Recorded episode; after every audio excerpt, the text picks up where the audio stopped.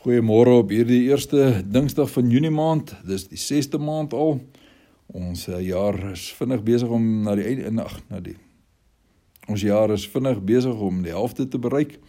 Ons staan nou eers by Psalm 49 stil. So ons is nou eers se derde deur ons psalms. Dit gaan ons nog 'n wyle vat voordat ons by Psalm 150 uitkom. Maar hierdie psalm is die eerste psalm wat pertinent oor die dwaasheid van rykes praat. Die psalmdigter maak dit duidelik dat die een wat op sy geld, sy rykdom en sy weelde vertrou, in plaas daarvan om sy vertroue in die Here te plaas, hy is baie dwaas. Hy sê trouens in vers 21, hy gaan dood soos 'n dier wat vergaan.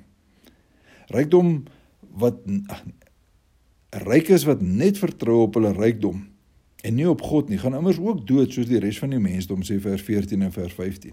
Die dood is hulle wagter, is die woorde wat hy daar gebruik. Die enigste hoop vir die lewe in God.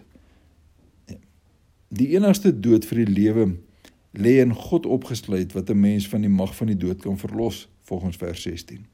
Daarom hoef trouens mag gelowiges nie vir rykes bang wees nie of hulle rykdom beny nie, sê vers 17. Die lewe moet dus in 'n noue verhouding met God geleef word. Deur hom te erken en in ag te neem in alles. Dis trouens ook sommer die eerste beginsel van wysheid as jy die Spreukeboek bietjie gaan deurlees. Spreuke sê mos om die Here te ken, dis ware wysheid.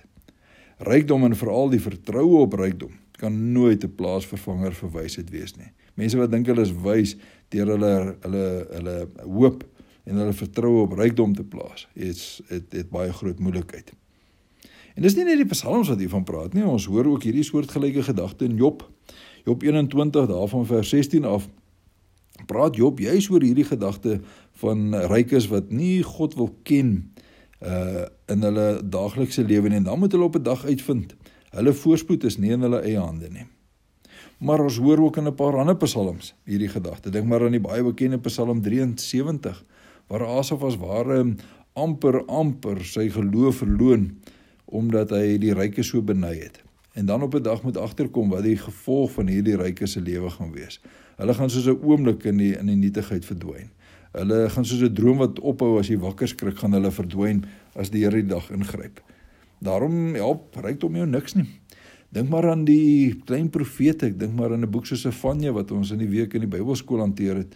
Hoe Sefanja vir hulle sê as julle nie tot bekering kom nie, sal al julle goud en silwer julle niks help die dag as die Here in sy woede teenoor julle oordeel nie. En daarom is dit te verstaan dat Jesus ook baie van van rykdom maak en en van hierdie Psalm se perspektief ten opsigte van rykdom baie praat. Dink maar aan die gelykenis van die ryk dwaas waar die ryk man ook nie ryk was in God nie, maar sy rykdom opgegaar het in dwaasheid vir die toekoms en uiteindelik niks daarvan kon geniet nie. Ons lees daai verhaal in Lukas 12. Of dink maar aan die ontstellende en die tragiese verhaal van die ryk jongman wat die kans van sy lewe mis om 'n disipel van Jesus te word omdat hy te verknog was aan sy besittings. Dink maar uh lees maar daai verhaal in Matteus 19. Sowel as die bekende verhaal van Lazarus en die ryk man waar die ryk man nie tyd gemaak het om na God se wil te luister nie en ook nie tyd gemaak het om deernis met die arme Lazarus te betoon nie. En dit hom uiteindelik in hier hier in Amos suur bekom het. Lukas 16 se verhaal. Nou 'n wêreld waarin ons vasgevang is deur hierdie geldbeheptheid en hierdie rykdombeheptheid, is dit 'n les wat ons vandag nog ter harte moet neem. 'n Wêreld waarin die wêreld vir jou wil leer of wil vertel dat jy moet ryk wees en jy moet soveel as moontlik opgaar en jy moet so maklik as moontlik lewe, moet ons vandag tog maar weer hoor, rykdom kan nooit 'n plaasvervanger vir die verhouding met God wees nie. Jy mag al die skatte in die wêreld hê, maar as jy nie vir God het nie, as jy brandarm. Maar jy kan nie 'n sent op jou naam hê nie, maar as jy God in jou kant het, God in jou lewe het, is jy inderdaad skatryk. Daarom het die Here uiteindelik ook mos vir ons daai gelykenis vertel om te sê, wat help dit vir jou dat jy die hele wêreld aan jou voete het, maar jou siel gaan verlore? Nee, dit is baie beter om eerder maar minder te hê, maar in die regte verhouding met God te staan, as om baie te hê en te dink hierdie hierdie baie. Daarop kan jy steun, daarop kan jy vertrou in enige situasie. Dan sê die psalmdigter vir jou as jy dwaas en jy moet weet jy gaan dwaas doodgaan soos wat diere uh, uiteindelik doodgaan. Mag ons nooit daai pad loop nie.